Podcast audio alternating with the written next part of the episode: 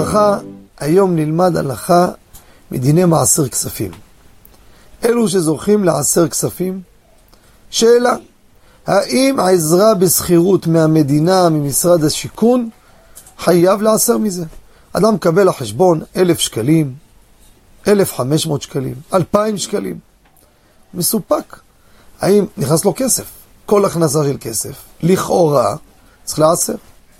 אבל, רבותיי, הלכה למעשה, כסף זה פטור ממעשרות. מדוע? כידוע, אנחנו מעשרים רק מכסף. חפצים, לא מעשרים. אדם קיבל דירה, עשר מיליון שקל שווה, לא מעשר. כשימכור אותה, ואת הכסף הוא רוצה לבזבז או לשמור או לעשות עסקים, אז יכנס כסף, אז תעשר.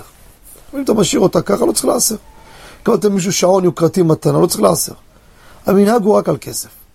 עכשיו, על אותו משקל, אם קיבלת כסף עבור דבר מסוים, שימו לב, קיבל כסף, אבל זה ספציפי לדבר מסוים, זה פטור ממעשר כספים. לפי זה, אתה מקבל מהמדינה כסף, עזרה בשכירות.